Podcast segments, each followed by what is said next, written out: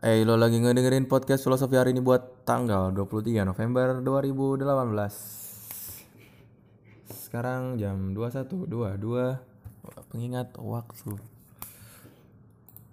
Ya, ini gue lagi di kampus jam setengah sepuluh di lab karena kehidupan mahasiswa-mahasiswa akhir memang sering di lab. Mahasiswa. Ya Allah, mahasiswa Anda diam Anda.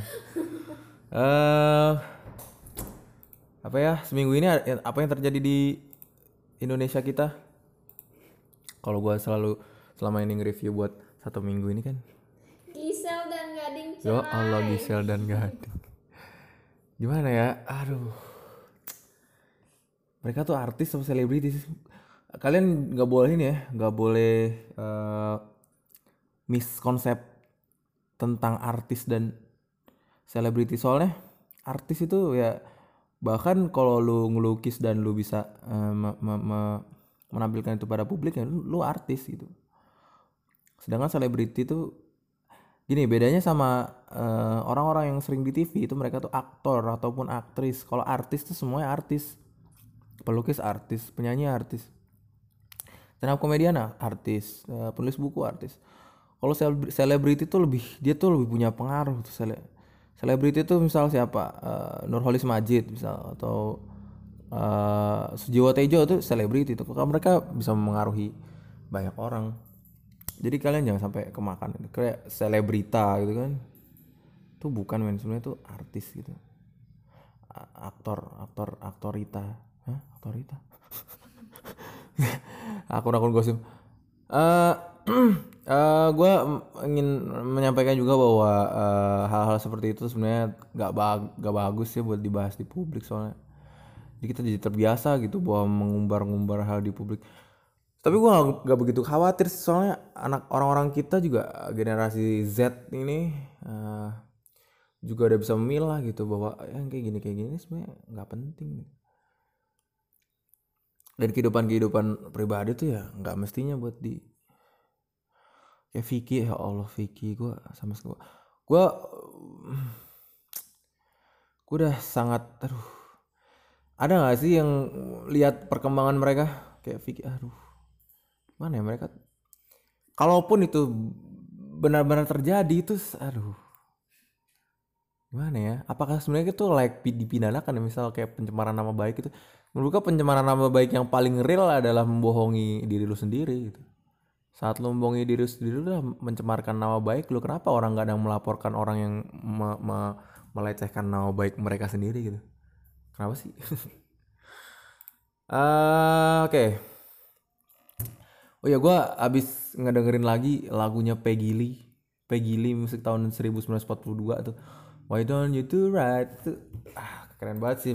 Sempet nyanyi sama Tara Basro sama Bian Sastro di diiringin sama oleh si Gerald Situmorang Lir- liriknya tuh kayak ada yang kayak eh, You will be wandering from door to door Why don't you do right like some other men do Get out of here and get me some money too anda tidak akan mengembara ke pintu ke pintu, pintu ke pintu gitu dan eh, mengapa Anda tidak melakukannya dengan benar seperti yang dilakukan beberapa pria lainnya? Keluar dari sini dan carikan uang juga. Kayak yang ya udah gitu. Gak ada cewek yang suka lu kalau lu miskin gitu. Cowok-cowok nih. Ya kalau emang ada cinta yang sesungguhnya tuh kayak yang sekarang tuh satu banding ya semua orang lelaki. Jadi kalau gimana ya banyak sih gitu yang kayak orang tua tidak boleh mempersulit anak perempuannya untuk nikah misal ada laki-laki yang ingin melamar harus eh, di dipermudah. Kalaupun dia eh, pengangguran jangan sampai itu dijadikan alasan untuk tidak memperbolehkannya. Semua rizki itu eh, itu cuma permulaan. Mungkin setelah menikah itu mungkin terbuka eh, rezekinya. Fuck lah semuanya tuh butuh modal coy. Kalau cowok nggak bisa nyari duit sebelum mereka nikah itu ya artinya cowok tuh nggak pintar nyari duit gitu loh ya maksudnya kalau minimal punya pekerjaan lah dia bisa membuktikan bahwa dia tuh berguna di per per pekerjaan masyarakat tuh dia berguna gitu dia punya peran gitu loh. Kalaupun iya itu mungkin zaman dulu kali ya. Sama sekarang kalau sekarang mah nggak ada duit kalau nggak ada kerja juga gimana gitu. Sekarang kerja apa sih yang susah? Jadi youtuber aja gampang dapat duit gitu. Kan jadi untuk bapak-bapak ini sebenarnya walaupun ya memper- mempermudah ibadah ini kan ibadah ya. Mempermudah nikah itu baik gitu. tapi kalian juga harus memikirkan nasib anak kalian gitu kan. Eh, kan kan juga bisa bisa menjadi salah satu indikator bahwa cowok yang punya pekerjaan yang punya penghasilan yang baik maupun nggak nggak mesti tetap ya yang yang baik yang halal gitu. Membuktikan bahwa si cowok ini siap gitu untuk untuk eh, eh, menghidupi anak anak lu. Sebenarnya anak lu tuh juga titipan Tuhan itu tuh punya punya kewajiban untuk ngerawat dia gitu loh. Walaupun emang setelah lu nikah ini mau tanggung jawab suaminya kan tapi emang lu tega gitu lu udah eh, ngidupin dari kecil sampai lu sampai dia gede gitu sekarang lu lepas ke orang yang pengangguran dan nggak tahu ya kalau belum kalau nggak usah kalau kalau udah usaha ya mungkin apa kayak kendala. Mungkin bener-bener yang kayak "Ya udah gitu. Ya mungkin lah gua gua nggak percaya bahwa sama orang tua yang tega sama sama, sama, eh, anaknya di Pinang kayak gitu gitu eh so, ngomong soal miskin tuh sebenarnya gua ini sih eh, banyak eh, gini lagunya siapa tuh namanya tuh? Youtuber itu yang cewek orang medok tuh namanya siapa itu? Pacarnya ah nggak penting sih gua. Jadi apa ya, yang nggak apa-apa nggak apa-apa jelek yang penting sombong gitu kan. Itu menurut lu gimana sih? Menurut kalian gimana sih orang kalau miskin eh, eh, kalau jelek yang penting sombong gitu menurut gua nggak apa-apa. Eh, kayak miskin yang penting sombong gitu. Justru kalau lu sombong pas lu kaya nah itu baru lu. Ya emang dasarnya lu eh, nggak bisa eh, nggak eh, nggak bisa ini aja nggak bisa menyesuaikan aja. Kalau lu miskin eh, lu sombong dari miskin ya lu kapas kaya juga harus miskin. So biar nggak ada kerjaan kayak lu OKB gitu orang kayak baru kayak yang eh, oh nih si A nih dulu miskin sombong. Sekarang juga sombong lah wajar gitu kan. Kalau dulu nggak sombong sekarang kaya jadi sombong gitu. Ya nggak banget nih menurut gua sombong aja dari dari dari miskin. Terserah apa yang lu sombongin bukan kekayaan lu yang pasti. Kalau kayak ya ada juga mungkin yang miskin tuh sombong ya mereka pasang dulu aja kesombongannya. Siapa tahu dari situ juga bisa bisa eh, dapat ini kan. Oh gua dulu pernah di nggak dipercaya nih gue sombong gini gini gini gitu kan. Bisa jadi acuan dia atau pacuan dia buat bisa bekerja lebih baik. Nggak apa-apa. Menurut gue karena gue selalu percaya head speech adalah uh, motivasi terbaik motivasi paling efisien uh, buat hati-hati yang kuat gitu kan. Apa kalau bisa lu mancing-mancing aja dulu dari lu yang belum apa-apa. Lu talk big is not bad gitu. Uh, sangat bagus untuk berbicara uh, berbicara besar karena orang besar juga harus punya tanggung jawab yang besar nantinya. Makanya sekali lu berlatih dari dari lu kecil dulu gitu. Eh, miskin. Ya paling nggak lu eh, inilah eh, punya sesuatu yang oh gue dulu pas miskin udah pernah sombong. Nggak nggak nggak nggak bagus dong kalau eh, nggak nggak keren dong misal nanti gue nggak kaya gitu kan. Bisa. Orang kalau bisa berpikir kayak gitu gua rasa semua orang miskin bakal bakal jadi kaya kalau dia bisa talk big gitu ya. Miskinan. Eh, dan iya tadi gua sempat ngomong sama teman gua. Soal prosperity eh, apakah tergantung poverty apa enggak eh, tergantung kemiskinan lu atau lu kayak miskin tuh parameternya apa sih sebenarnya? Apakah dengan lu punya mobil bagus dengan rumah yang bagus tuh lu dikatakan orang kaya atau orang nggak miskin apakah dengan eh, bapak yang punya rumah kecil punya anak lima yang makan bareng tempe tahu nasi di kegelapan malam pakai lampu Petromax terus ngajarin anaknya belajar ngaji dan belajar berhitung itu miskin tidak kaya tidak bahagia? Karena kalau miskin dan kaya itu diukur dari materi nggak akan ada habisnya gitu.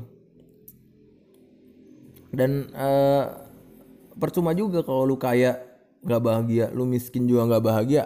Apalagi miskin nggak bahagia lu kaya aja nggak bahagia gitu.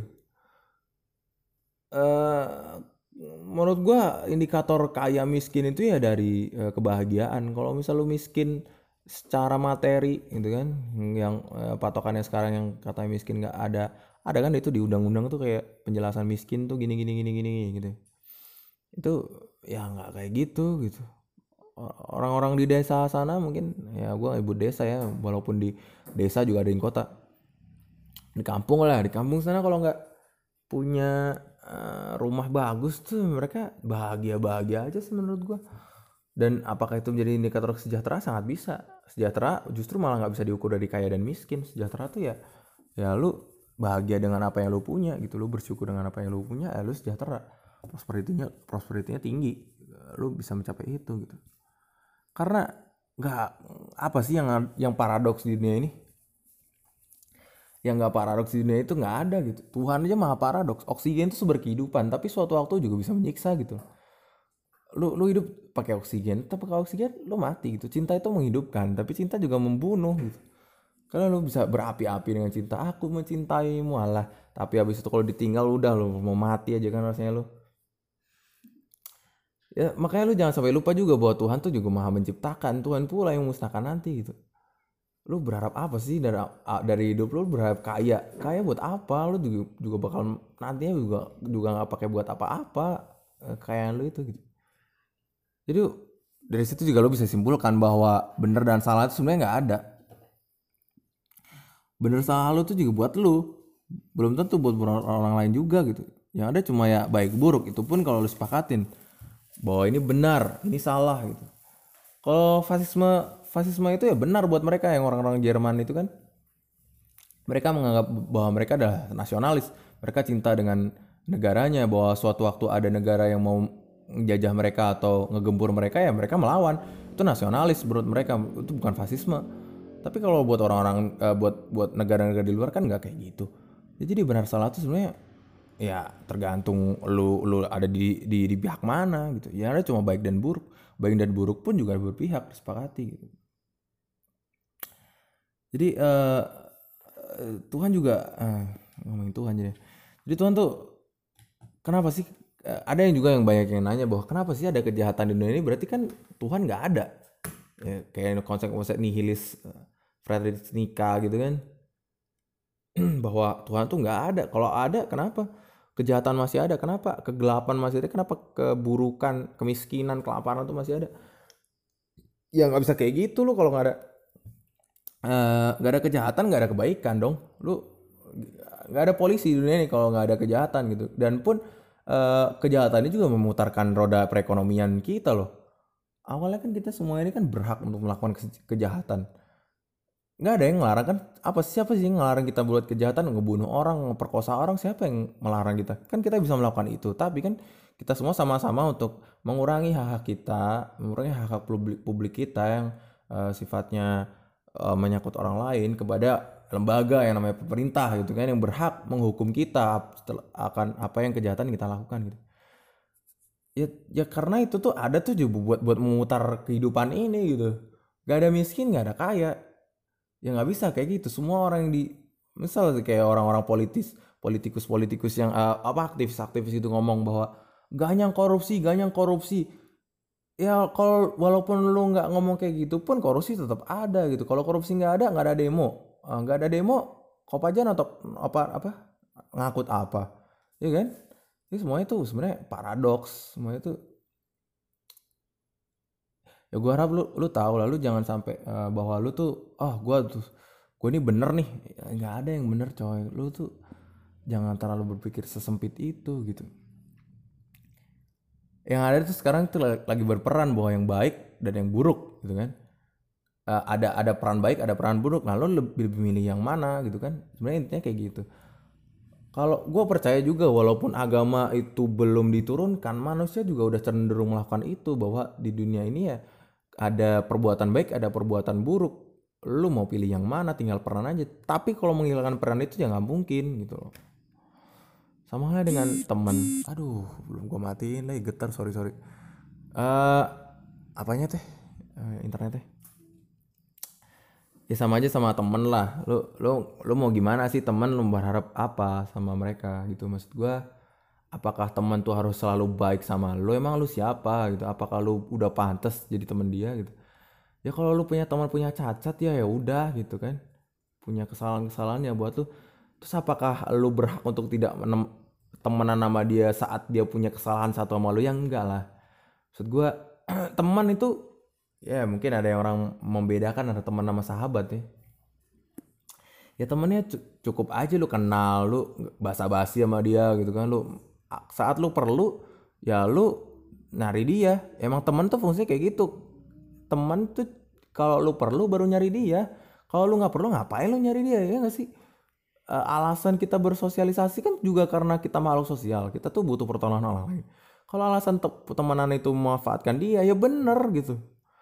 Bullshit lah orang ngomong teman-teman tapi nggak memanfaatkan salah satu sama lainnya. Emang kita tuh hidup saling memanfaatkan. Maka lu punya teman tuh kayak gitu gitu bullshit lah orang ngomong yang ah, lu teman tapi cuma ada pas ada pas butuh doang tai lah. Nggak ada orang yang membutuhkan terus ada terus ngapain lu nimbrung ngapain? Yang ada kalau lu lagi sedih dia ada gitu kan. Lu senang kalau lu lagi senang juga dia harus ada gitu. Eh, dia harus lu ajak juga maksud gua yang kayak yang ah, lu harusnya datang kan kita pengennya kan pas kita sedih temen kita datang gitu pas kita senang lu ke mana lu? Teman lu lu kemanain gitu kan nggak bisa kayak gitu gitu. Ya sama. Semua tuh pasti ada logikanya. Semua ada untung, ruginya. Lu pasti berpikir kayak gitu. Tanpa lu sadari pun pasti lu berpikir kayak gitu. Makanya eh, Joshua Sureman juga pernah ngomong nih eh, pada akhirnya seleksi alam nih akan membawa kita ketemu teman-teman yang sefrekuensi. Semakin dewasa circle pertemanan tuh ya makin mengecil dan itu merupakan hal positif. Kenapa karena yang tidak se- sefrekuensi itu juga lama-lama akan mundur perlahan.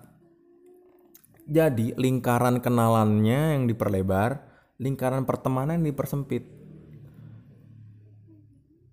Lu lu lu cukup aja lu cukup memperlebar kenalan lu aja. Oh ya gua kenal ini gua kenal itu. Jadi suatu waktu kalau ada apa-apa oh iya gua kenal ini. Tapi pertemanan lu aja yang lu persempit. Jadi siapa orang-orang yang bener-bener bisa lu manfaatkan logikanya kayak gitu sekarang. Siapa orang-orang yang bisa lu manfaatkan jadikan itu teman. Dan dalam waktu yang sama lu juga harus mau dimanfaatin sama dia. Nah, bedanya sama yang link sama kenalan itu mungkin lu masih bisa lah milih buat lu mau nggak dimanfaatin sama dia. Yang ada tetap lu pasti pengen memanfaatin kenalan lu kan. Tapi kalau temen ini ya lu harus bisa memanfaatin dia. Dan dia pun sewaktu-waktu kapan pun harus bisa boleh dan boleh lu kasih akses buat manfaatin lu. Jadi eh, konsep temen nih aduh gimana ya? kalian jangan terjebak hal-hal yang sebenarnya kalian gak bisa lakukan gitu.